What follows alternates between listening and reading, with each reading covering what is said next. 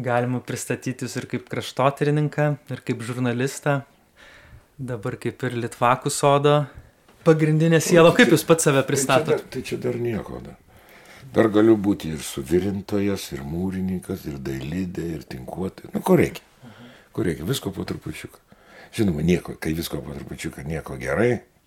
Bet, nu, stalą padariau anūkai. Nesugriuvo, nesulūžo. O kaip jūs pats save pristatot? O aš net nežinau, aš neprisistatinėjau, kiti kažkaip pasakoja, kas tu toks esi.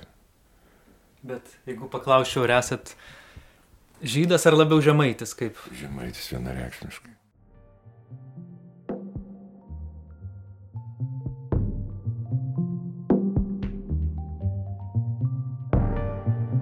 Laikraščio The New York Times autorius, trijų Pulitzerio premijų laimėtojas Thomas Friedman kovo viduryje rašė.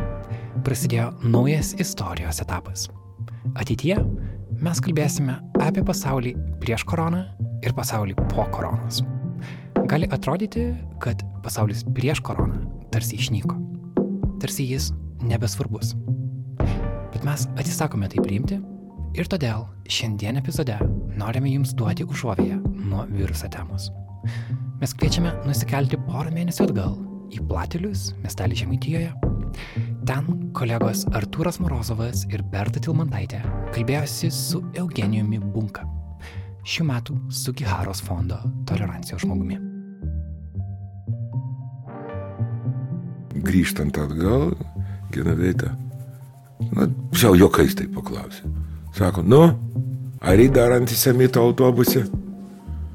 Tas vaikas irgi toks nepriešęs, matyt, sako, aš buvau.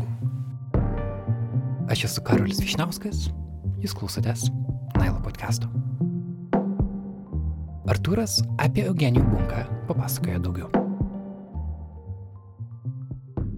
Šį vasarį apsilankiau tradicinėme renginyje, tai yra kasmetinėse tolerancijos žmogaus apdovanojimuose. Jų metu pagerbiamas žmogus savo veiksmais, pavyzdžiu ar atvirų žodžių stojas prieš ksenofobiją, antisemitizmą, kitaminčių, kitatikių ar kitataučių persekiojimą, pasisakęs prieš smurto, prievartos ir radikalizmo apraiškas Lietuvos gyvenime. Toks yra apdovanojimo prašymas. Jį nuo 2001 metų teikia Sugiharos fondas. Na, o šiais metais tolerancijos žmogumi išrinktas rašytojas, žurnalistas, kraštotyrininkas Eugenijus Bunka. Prisipažinsiu, kad šio vardo iki pat renginio pradžios nebuvau girdėjęs. Tačiau kaip po iškilmingų akademikų ir diplomatų kalbų prie mikrofono prieėjo apdovanotas žemaitis ir rėžė trumpą, bet aiškę kalbą, likau labai nustebintas. O kalbą jis pradėjo prisimindamas savo mačiutės poskį apie tai, kad gal jau pakaks plepėt, o laikas dirbti. Na ir vardino tos darbus. Apie tai, kaip žemaitijos vaikus įtraukė, supažindinant juos su iki holokausto egzistavusią žydiškąją žemaitiją, apie savo tėtį, paskutinį plungę žydą, jo misiją bei tų darbų tasą, apie kuriamą Litvako atminties sodą. Tikiu, kad kaip ir visa vadovų aulė susirinkusi publika, buvau sujaudintas Eugenijos bunkos kalbos. Ir turbūt net tuo kas joje pasakyta, labiausiai sujaudino tas drąsaus balso skambesys, kalbant apie klausimus, kurių dažnai mūsų visuomenė, o ypač žiniasklaida, nepajėgi spręsti arba nenori spręsti. Susimašiau apie tokių veiklių autoritetų svarbą Lietuvos regionuose.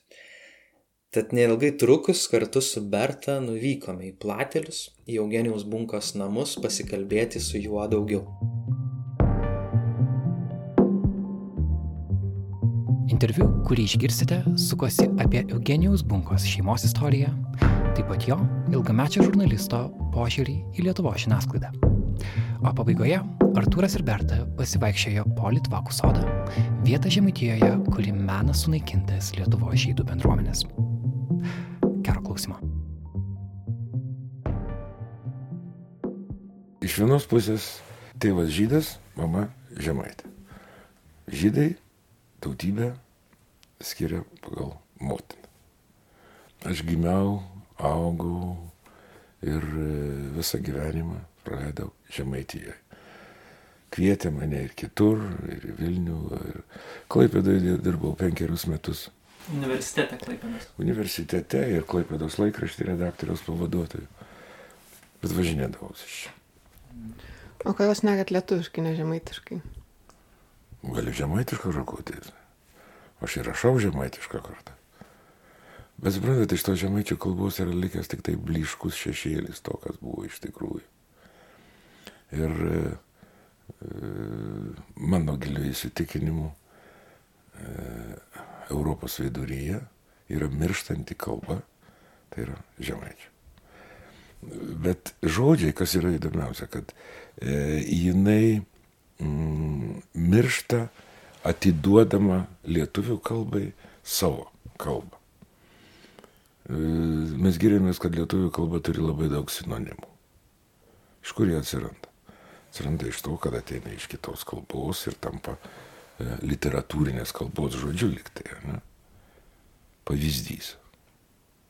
Žodis pavyzdys. Literatūrinė kalba. Nevelnio. Jis yra kilęs iš žemaitiško veizėti. Žiūrėti. Nu kada čia buvo praeitą savaitę Platelių gimnazijoje, buvau su vaikais pasišnekėti. Ir toks leitmotyvas buvo apie žemaičių kalbą.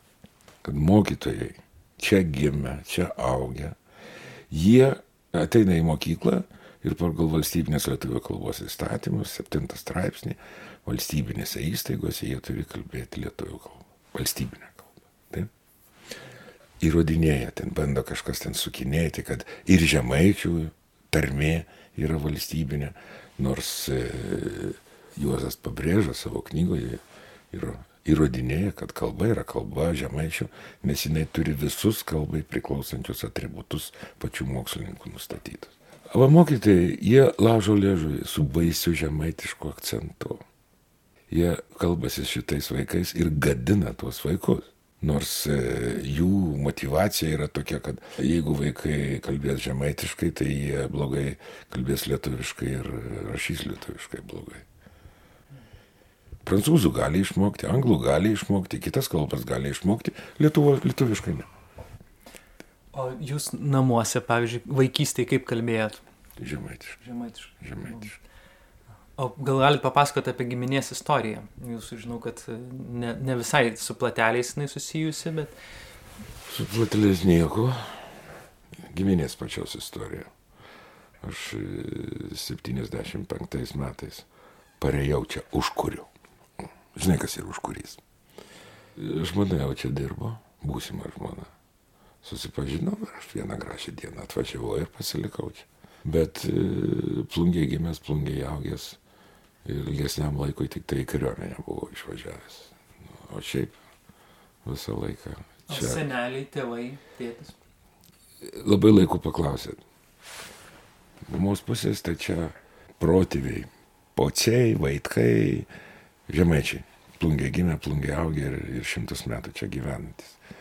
O mačiutė mano domicėlė. Domicėlė, puciūtė, vaitkienė, paskui dar stanelienė. Turėjo 18 vaikų, iš jų 10 išgyveno ir laiko neturėdavo amžinai, visada buvo užsijėmusi. Bet buvo protinga moteriškė tokių jos išsireiškimų, kaip kada žmonės tuščiai plepa. Jis sakydavo, galiam rakautais tris dėjimus į pakaitį. Bet čia pašnekam, čia palikt. Užteks luoti, laiks juoti. Yra tokie, kitokių dar visokių tokių prie progos išlenda jos prisimini, pasakymai, prisiminimai. Ir e, jinai turėdama dešimt vaikų jau išsiskyrė su pirmu vyru ir ištekėjo dar už kitą. Tai, tai va tokia stotinga ir spalvinga asmenybė buvo. O, iš tėvo pusės tėvukas sakė, kad apie e, tris, daugiau kaip 300 metų jis atseka savo giminės, jau žydiškos giminės plungėje istoriją. Mano senelis. tėvuko tėvas, senelis, e, išėjo 18 metais savanoriu už nepriklausomybę. Kai baigėsi, jį matyti kaip patyrusį kareivį atsiuntė į plungę kurti pasienio žandarmeriją.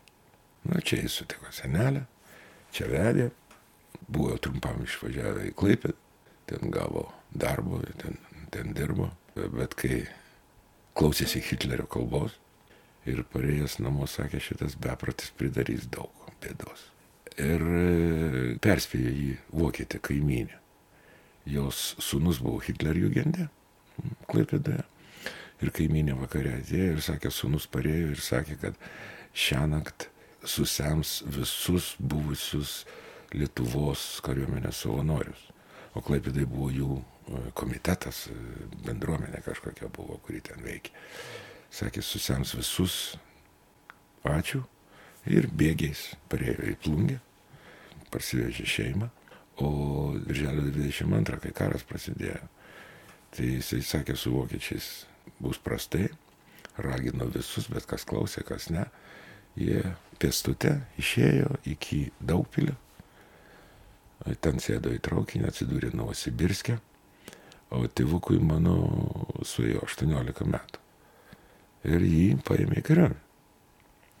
Tai jo tėvas, kuriam jau buvo beveik 50, jo neėmė, dar neėmė, ar būtų nepaėmė, nežinia, Tai e, jisai sakė, aš to piemens vienas, ne, vieno neišleisiu, jis pražus.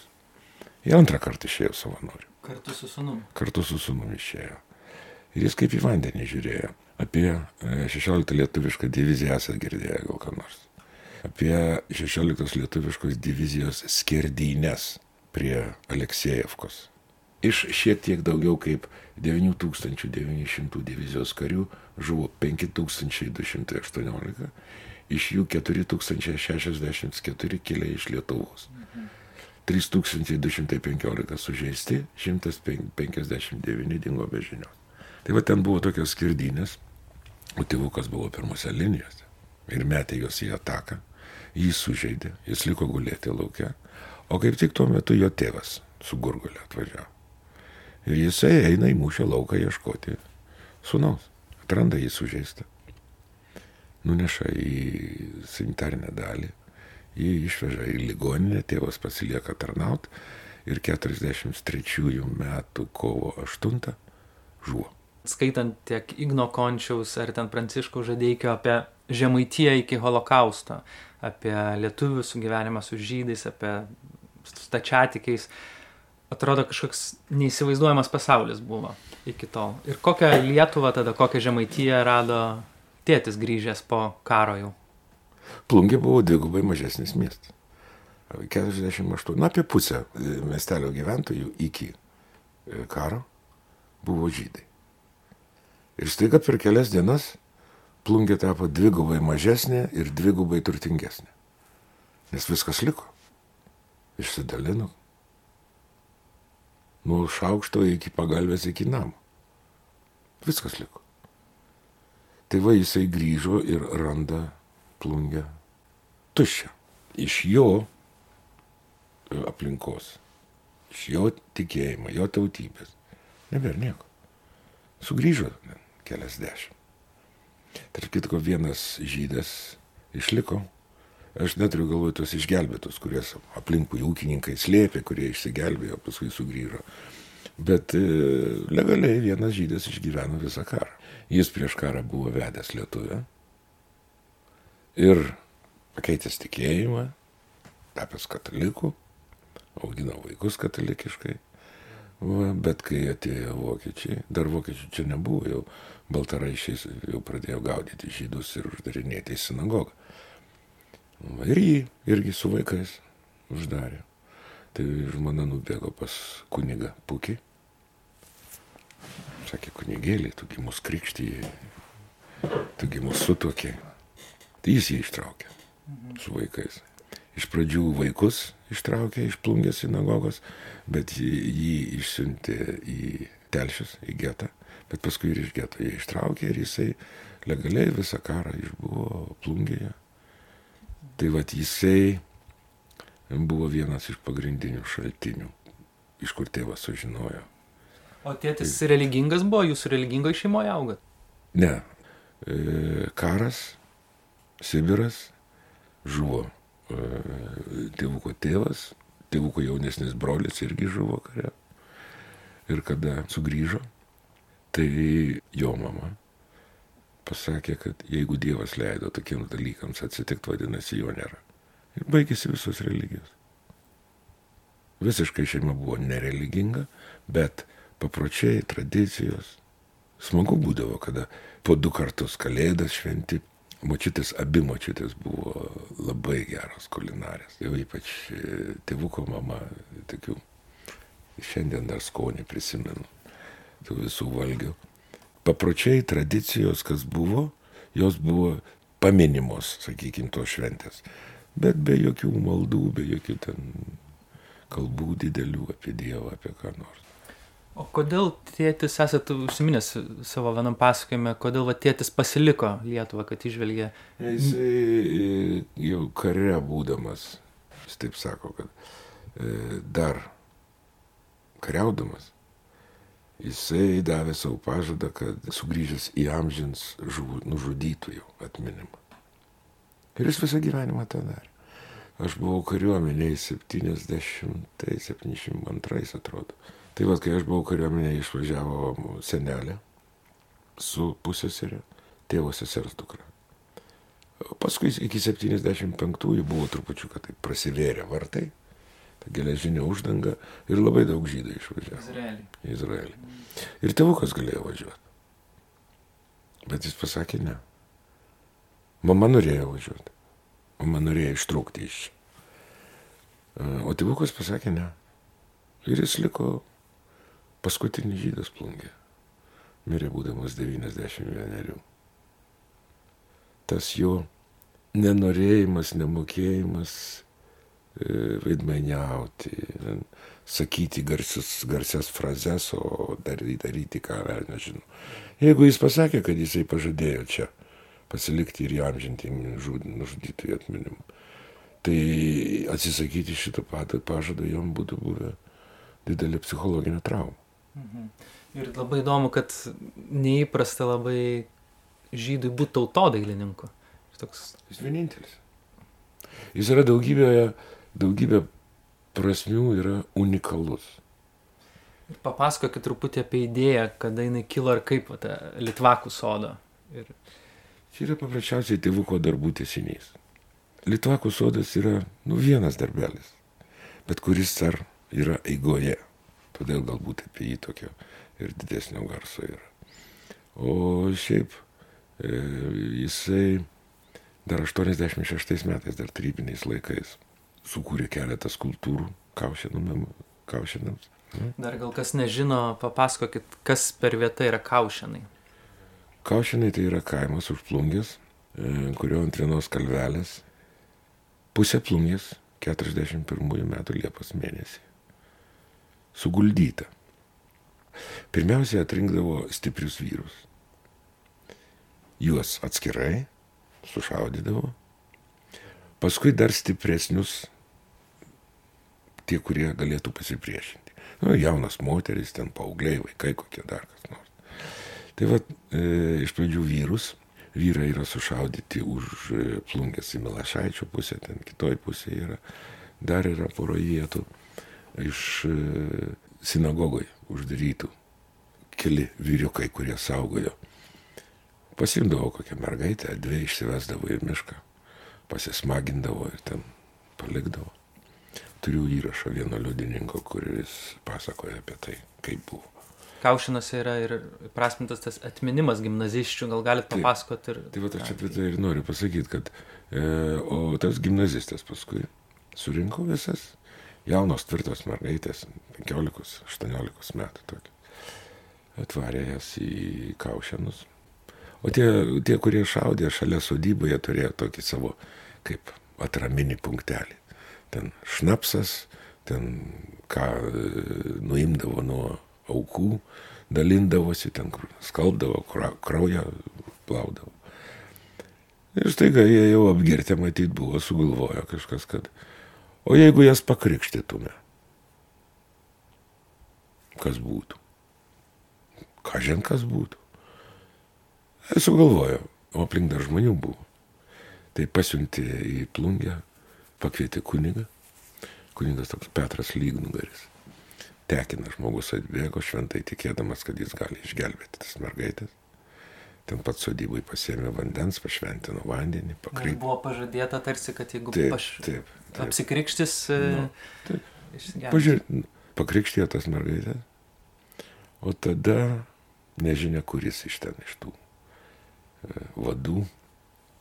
O sako, kaip gerai, daugiau katalikų bus dangui.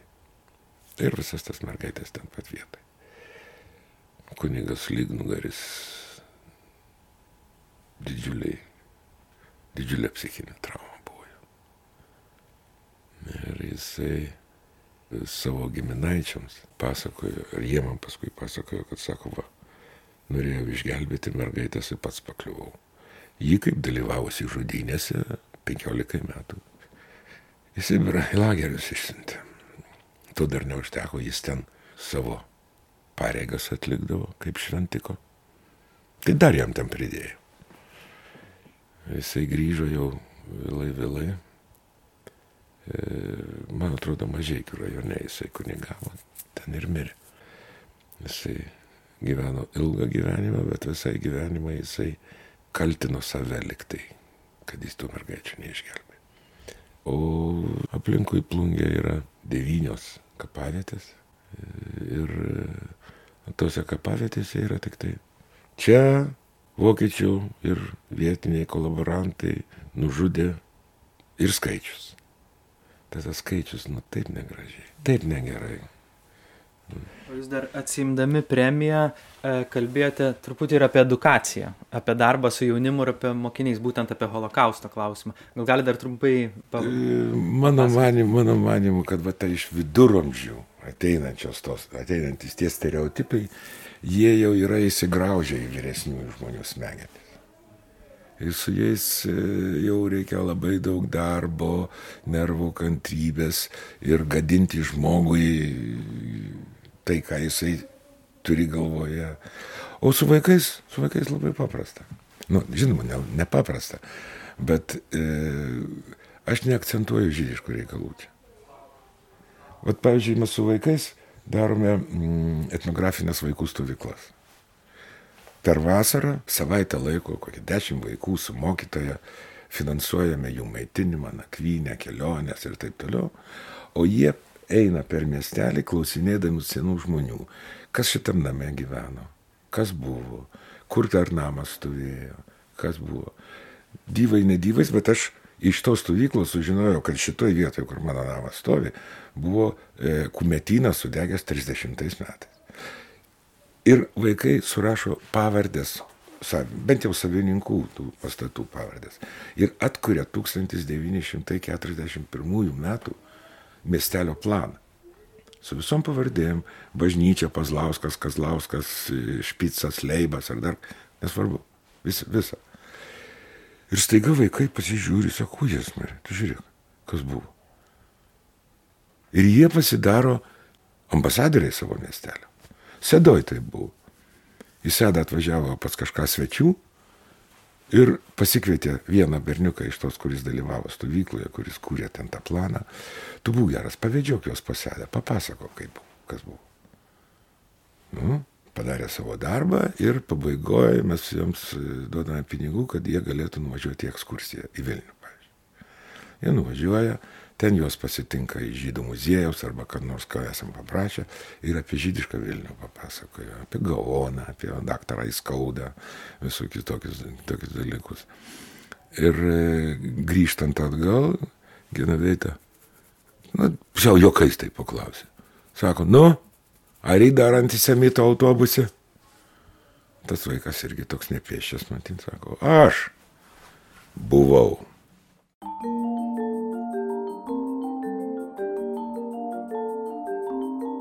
Nailo podcastas priklauso niekam kitam, tik mums ir jums, mūsų klausytojai. Dirbame jau beveik trijus metus ir esame pasiryšę tai tęsti toliau, kad ir kaip naujasis postkoroninis pasaulis atrodys. Mūsų darbą galite palaikyti adresu patreon.com slash nanukmultimedia kaip vienas žodis. Prieš šią savaitę prisijungė Greta Giraitė, Lukas Galkus, Kristina Karvelytė, Kamilė Celutkaitė, Lukrecijus Tubys, Raminta, Aistė Račaitytė, Ugnė Marija Andrijauskaitė ir Gabrielė Skirbauskinė. O savo skiriamas sumas padidino Miglė Tumėnaitė bei Milda Griciūnė. Ačiū Jums. Jūsų prisidėjimas duoda realų poveikį mūsų komandai. Ir šiuo metu mums trūksta tik 9 žmonių iki 500 patronų, Jeigu svarstėte prisijungti, bet to dar nepadarėte, dabar yra geras laikas pasiekti šį simbolinį tašką mums visiems kartu. O taip pat prasidėjo pajamų deklaravimo metas. Šiemet 2 procentų pajamų mokesčio skirti dėja nebegalima, procentas yra sumažintas iki 1,2 procentų, bet nepelno organizacijoms, kokie mes ir esame, tai vis tiek reiškia daug. Mūsų viešoji įstaiga vadinasi Dokumedija ir mes būsime dėkingi, jeigu savo 1,2 procento nukreipsite jai.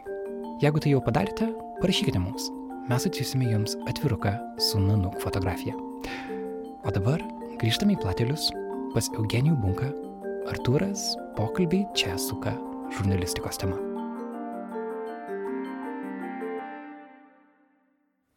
O kaip jūs pradėjot savo darbą kaip žurnalistą?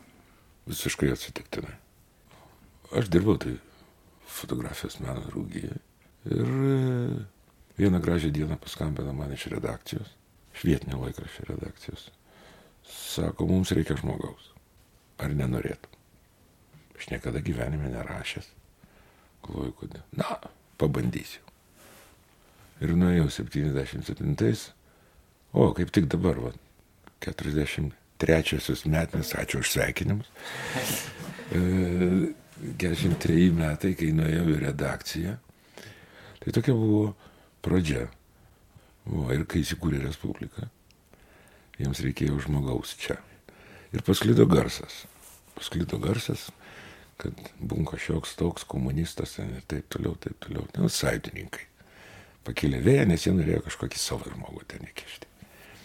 Pakėlė vėją, surinko mano rašinius ir nusintė Tomkui kad Tomkus pamatytų, koks aš esu negeras. Tomkus perskaitė, iškart pakėlė ragelį ir pasakė, atvažiuok dirbti. Tai va tai prasidėjo Respublikoje. Prastas, iš manęs prastas žurnalistas. Nes, e, nu, negabus esu, nu, nu, nemoku rašyti apie papus, apie užpakalius, apie skandaliukus ir taip toliau. O to reikėdavo? To reikėjo kiekviena žiniasklaidos priemonė, jinai kariauja už save dabar. Jo išliks arba ne. Sistema verčia taip daryti. Aš manau, kad yra daugybė puikių, gabių, padarių žurnalistų, kurie tikrai galėtų padaryti daug gerų darbų. Turiu galvoj misijos prasme. O kur jie pradingsta? E, sistemoje šitoje. E, kas yra žiniasklaida? Žiniasklaida yra verslas dar atgimimo pradžioj kalbėjom, kad žiniasklaida tai yra misija ir verslas. Ir svarbu, kad būtų balansas tarp misijos ir verslo. Dabar nebėra balanso, nes nebėra misijos. Yra tik tai verslas. Vis dėlto, mano manimu, žiniasklaida perdėjom daug reaguoja į visuomenės nuomonę, neformuodama šitą nuomonę bet paklusdama visuomenės nuomoniai ir teikia tai, kas visuomenėje yra, už ką visuomenė pasiryžusi mokėti pinigus, ir tuo pačiu gilina tos dalies visuomenės nuomonę. Žiniasklaida e, yra įstumta sistemos į tokią padėtį. Nori išgyventi, o dauguma nori ne tik išgyventi, bet ir turėti duonos su sviestu ir pageidautina su šokoladiniu ir dar labiau pageidautina kuo daugiau, tai žmonės ir sukasi. Apartos sistemos, va, jūs sėdit plateliuose, rašot prie savo darbo stalo, mes atvažiuojam pas jūs, su jumis kalbamės. Kažkaip ta žurnalistika savo entuzijazmu, sakykime, jinai gali egzistuoti ir apart sistemos ir kaip tą sistemą galbūt galima būtų griauti. E, nu, ir yragi tokių, dabar be pigų svetainių, internetinė svetainė, visokių, bet ten žmonės dirba iš entuzijazmo. Galbūt, kad juos kažkas ir pamaitina. Galbūt. Bet vis dėlto ten yra tas idealizmas, entuzijazmas. Jeigu jūs man pasakysit, kad žurnalistai tyrinėja, ilgai dirba, ieško, knisasi ir vargsta, tai aš nelabai jiems patikėsiu. Nelabai patikėsiu, yra gal keletas tokių žmonių. Bet dažniausiai kaip e, gauna e, informaciją? Ateina žmogus ir duoda medžiagos, paskui pasirodo, kad jis duoda medžiagos apie savo konkurentą. su žiniasklaidos pagalba jį nus, nuslopinti, moka pinigus. Didžiulis iššūkis naudotis tyrimai, ypač žurnalistikai turbūt Taip. naudoti šaltiniais, o ne šaltiniai leis naudotis tavim. Taip. Bet vat, kai mes kalbame apie tą žiniasklaidos problemas, jas bandom įvardinti, dažniausiai vis tiek turime omeny didžiosios žiniasklaidos priemonės, organizacijos, o kaip gyvena regionuose esantys žurnalistai? Tas pats. Tas pats yra, jiems reikia, jie turi savininką, savininkui tai yra verslas. Kas tai yra žiniasklaida? Ką jinai pardavinėja? Jinai pardavinėja vietą reklamai ir laiką reklamai. O viskas kitkas yra masalas, kad kuo daugiau žmonių pamatytų tą reklamą. Tai vad galima tokį nu, gerą masalą kurti, tai, kad žmonės patys norėtų imti. Ir galima kurti skandalingą masalą, kuris ne visada yra teisingas, bet e, jis yra pelningas. Bėda yra ta, kad e, bėgdamas paskui skaitytoją, pataikaudamas jam, jis nusibosta. Pasitikėjimo žiniasklaida nėra. Ir jūs galite man pasakoti apie kažkokius reitingus. Bet jeigu žmogus skaito ir jisai jaučia, kad jį melžia kad iš jo ima pinigą uh, tokiais būdais, jisai netenka pasitikėjimo. Ir va to pasitikėjimo apskritai žiniasklaida dabar dar žūsta. O kodėl Jūs manot, kad vat, žiniasklaidai, kodėl tų autoritetų nėra žiniasklaidai, arba kodėl jie neįsilaiko? Buvo autoritetas 15 minučių. Tyrimų tarp su tarptautinė aureolė. Kas su juo nutiko? Pasirodo, kad jis pats naudojasi to. Ir jis padarė ne savo blogai jis padarė visai žiniasklaidai. Žiniasklaidos autoritetas smuko iš karto. Kuo daugiau pasitikėt. Aš nepažįstu, atvirai pasakyti. Jo, bet iš Arūno Černiausko atvejs toks, čia yra vieno žmogaus, man atrodo, nutikimas. Bet, vat jūs sakot, 43 metus jau dirbat Lietuvo žiniasklaidą ir vis tiek tą sistemą matote. Ir kaip manote, kodėl jinai neugdo autoritetų ir kodėl, vat, juk, juk tarsi būti žurnalistu nėra, nėra taip sudėtinga. Yra etikos kodeksas, yra daug kažkokių įstatymų, taisyklių rašytų ir nerašytų, kurių tu tiesiog laikaisi ir dirbi kartu su tiesa. Etikos kodeksas yra užrašytas, bet yra dar kitas, taip sakant, kuris yra užrašytas e, žmogui gimstant. Kiekvienas. Ir aš tikrai manau, kad e, labai daug žmonių E, stoja į žurnalistiką, mokosi ir jie mano, kad jie mm, pakeis pasaulį, padarys pasaulį geresnį, gražesnį.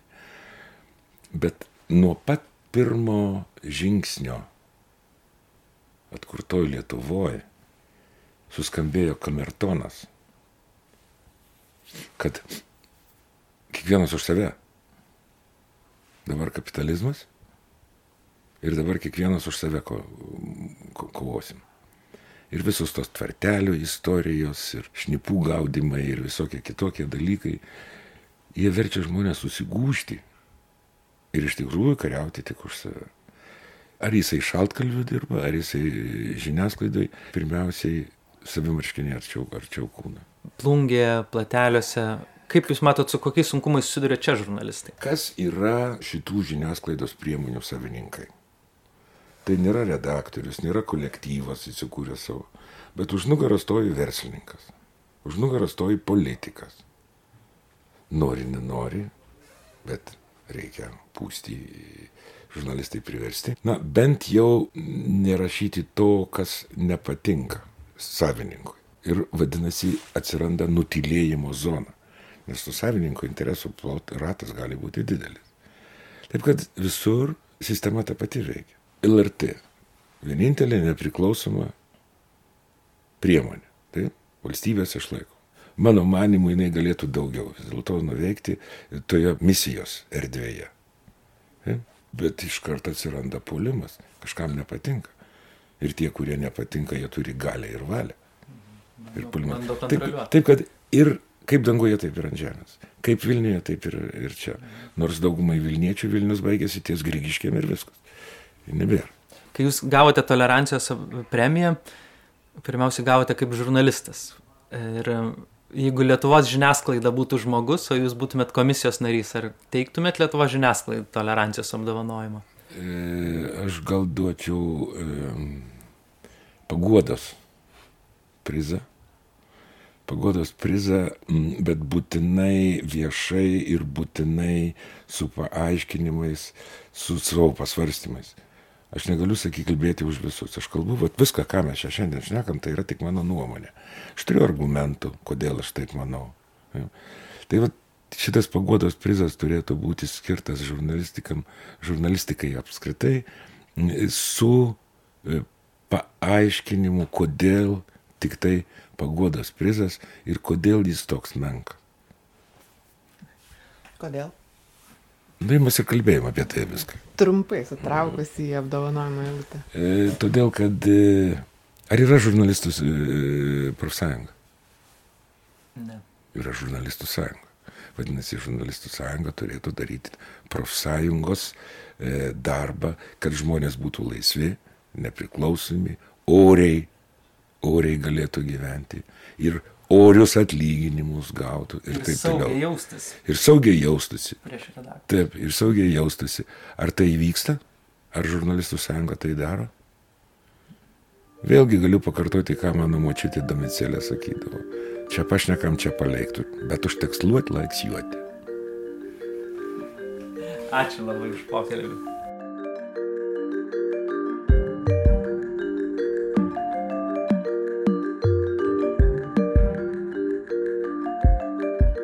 Interviu Eugenijus Bunka Artūrui ir Bertai pasiūlė pasivaikščioti po Lietuvakų atminties sodą. Šis sodas yra Lietuvo žemėlapio formas. Jame matome virš 50 obelų, kurios yra metalinės. Jos susadintos tose vietose, kur prieš antrąjį pasaulinį karą buvo Lietuvos žydų bendruomenės. O kodėl šitą vietą pasirinkot? Čia yra mes turėjom tokią svajonę e, čia pastatyti Litvakų tokią etnografinę sodybą. Ten yra sklypas, čia yra 6 hektarai. Nupirkom pagal dabartinės kainas pigiai. Bet tai sodybai reikia lėšų. Ieškojom, neradom. O šita vieta iš čia atvažiuojant labai gražiai matosi kontūras matosi. Tai sugalvojom, kad čia kaip sodybos pradžia gali būti va, toks e, Litvako atminimo sodas visai visos Lietuvos bendruomenėms. Obelis stovi tiksliai žemėlapyje toje vietoje, kur buvo bendruomenė. Sakysim, kokiu ten. Čia mes matom Lietuvos kontūrą. Taip, čia ir Lietuvos kontūras. Sakysim, kokie gelvonai, Vilnius, Šiauliai, dar kažkas. Medžiai stovi tose vietose, kur žemėlapyje yra tos vietos. O medžiuose yra oboliai tiems žmonėms atminti, kurie gyveno tose bendruomenėse. Tai palengva jau 54 obelis. O iš viso kiek turėtų būti bendruomenė? Iš viso bendruomenė buvo 234 berots. Bendruomenės Lietuvoje buvo. Tai čia yra jau penktadalis. Jeigu, jeigu taip palengva auks, tai per kokią penketą šešetų metų gal ir bus jau toks miškas, jau bus ne atminimo sodas, o bus meno kūrinys. O šitas kelias plateliai, kuris važiuoja? Plateliai, plateliai alsėdžiai ir jis yra, bet čia yra pagrindinis kelias, kuriuo, jeigu kas nors atvažiuoja Žemaitijos nacionalinį parką, o jų atvažiuoja per metus apie 200 tūkstančių žmonių. Skaičius, tai būtinai pravažiuoja šituo keliu nors kartą. Ir stebite, ar stapteli žmonės? Kiekvieną kartą vakar atvažiavom sudinti obelį palangai pasodinom. Atvažiavom taip, stovi mašinėlį, vaikšto žmonės. Tokiu oru. O vasarą tai čia. Vestuvininkai atvažiuoja fotografuotis čia. Fotosesiją daro. Nekeista jums? Ne. Jeigu jie čia šoktų, dainuotų, šampaną gertų, ar dar kas nors, tai taip. Nors čia ne kapinės. Čia. Bet e, kažkaip jie santūriai elgėsi čia. Jiems gražu, paleidžia droną iš viršaus pafotografuoti pafilmuoja, kokias nors figūras sustato, iš tai, tai jaunasis jaunėjas. Tikras sodas. Taip. Užeinam.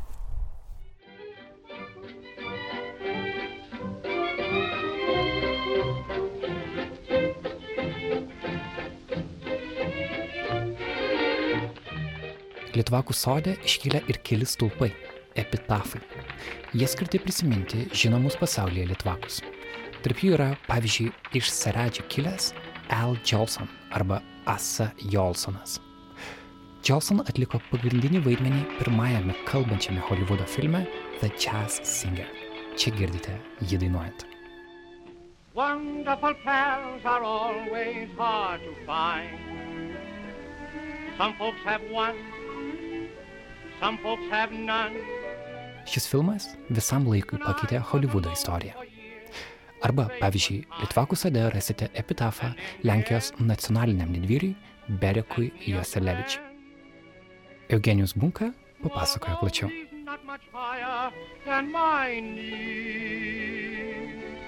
Still, he's the greatest thing on earth to me.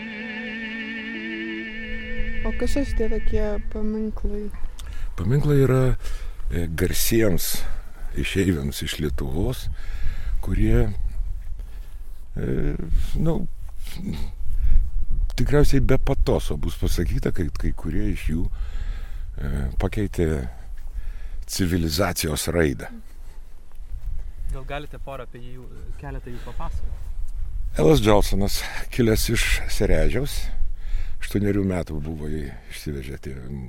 Tėvas jau buvo išvažiavęs, ten įsikūrė ir e, jis buvo aštuonerių metų, kai išvažiavo su mama, su broliukais sesutėmis į Ameriką. Ten tapo dainininku. Tai žmogus, kuris pirmajame garsinėme filme, tūnametražinėme, vaidino pagrindinį vaidmenį. Vadinasi, džiazo dainininkas filmas. Apie jo gyvenimą sukurtas filmas laimėjo Oscarą. Ir jis yra pirmasis žmogus scenoje, kuris pradėjo judėti scenoje, kuris pradėjo kurti įvaizdį, pradėjo kurti scenas. Ir visi dainininkai, kurie dabar šokinėja scenoje ir su poly, visi tik tais kopijuoja jį. Nuo jo viskas prasidėjo. O ten yra Hermanas Kalenbachas, gimęs Žemaičių naumiestyje, bet e, oficialiai sakoma, kad jis yra gimęs Rusnėje, nes Žemaičių naumestis buvo dar Lietuvoje, o, žem, e, o Rusnė jau buvo mm, Vokietijos teritorijoje, Prūsijos. Ir ten gimė vaikai, turėdavo visokių lengvatų. Tai todėl tie vaikai išsikėlė ten gyventi, jis buvo darbuose gimęs, tai užrašė, kad jis gimė ten. Tai žmogus, kuris pakeitė pasaulio civilizacijos raidą. Tuom, kad jisai buvo pagrindinis Mahatmos Gandžio politinės veiklos rėmėjas. Jisai pirmasis ašramas, dabar tas vadinamas meilės kaimas, madinga. Važiuoja poniutės iš viso pasaulio į tos ašramus į Indiją mokytis, mylėti save ir kitos ir taip, taip toliau. Tai Kalembachas pirmąją ašramą už savo pinigus, savo nupirktą žemę pastatė Pietų Afrikos Respublikai, kada dar ten e, Gandhi buvo. E, jis yra, na kaip, jeigu ne, tė, jeigu ne vienas iš tėvų Indijos nepriklausomybės, tai jau tikrai bent jau dėdė. Nes jis skatino Mahatma Gandhi užsiimti politiką, mesti visus darbus. Jis finansavo visą jo veiklą. Ir kada Indija iškovojo nepriklausomybę, prasidėjo apskritai kolonializmo griūtis, kuri pakeitė visą vakarų pasaulį praktiškai. Tai va tas vyrukas iš Rusnės yra prikišęs nagus prie to. Čia yra Berekas Juselevičius iš Kretingos. Lietuvoje iki šio laiko niekas neturi tokių regalijų, tokių vardų kaip jis. Jis yra Lenkijos nacionalinis didvyris. 1794 m. sukilime jisai suorganizavo žydų kavalerijos pulką ir jam vadovavo. Ir turėjo lengvatų jie, jie, turėjo, jie galėjo auginti barzdas ir plaukus ir šeštadieniais, jeigu nėra reikalo, nekariauti. Jis yra, kaip sukilimas pralaimėjo, tai jisai atsidūrė Prancūzijoje ir vienas iš pirmųjų tarnavo Napoleono armijoje ir vienas iš pirmųjų iš Napoleono rankų gavo Prancūzijos garbės legiono ordiną. Mhm. Paveikslai, gatvės, skverai, pašto ženklai apie jį kuriami. Lenkijoje jis yra žinomas, o Lietuvoje, kol mes nepastatėm šito, tai čia niekas ir praktiškai nežinojo. Patys kritingiškiai buvo didžiai nustebę, jie turi tokį žmogų.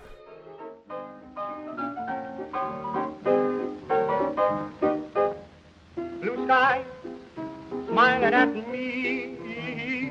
Nothing but blue sky do I see. Oh, to, to. Bluebird, Pasitrauksiu iš. Jo, aš dar padarysiu nuotrauką jūsų einant. Šiam visam fone. all day long. Jo, galit gal ir ateiti. ne? I never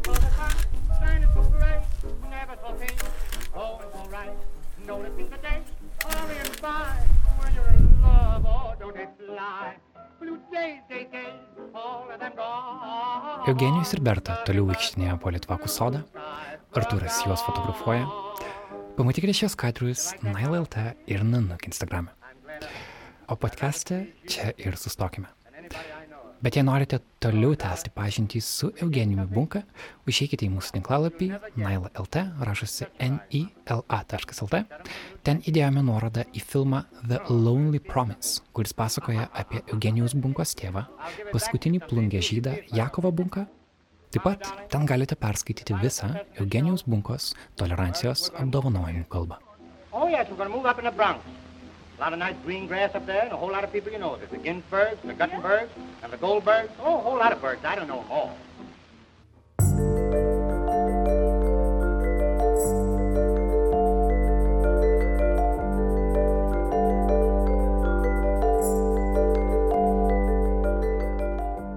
Ačiū, kad buvote kartu. Šį interviu atliko Artūras Morozovas ir Berta Tilmantaitė, o redagavo Martina Šulskutė ir aš Karolis Višniauskas. Podcast'ui muziką kūrė Martinas Gailius, o mano studijinį balsą įrašinėjame po karantino atsidariusioje nacionalinės Martino Mašvido bibliotekos garso įrašų studijoje. Garso režisierė čia yra Kata Bitoft. Kitą savaitę kalbėsime apie geopolitiką, apie tai, kaip viruso krizė keičia pasaulio tvarką. Pašnekovė bus ilgai negirdėta mūsų saugumo ekspertė, Marylando universiteto mokslininkė Eglė Murauskaitė. Nanuk Facebook'e ir Instagram'e galite užduoti jai klausimus jau dabar. patreon.com slash nanukmultimedia Toks yra adresas norintiems palaikyti mūsų darbą. Mūsų 100 dolerių per mėnesį patronai yra Blossom Boot Foundation. O taip pat primenu apie 1,2 procento savo pajamų, kuriuos galite skirti mūsų viešai įstaigai. Jos pavadinimas yra Dokumedija. Ačiū visiems klausantiems, ačiū visiems prisidedantiems. Mano vardas yra Karolis Višnauskas. Mes susitiksim po savaitės. Būkit sveiki. Iki.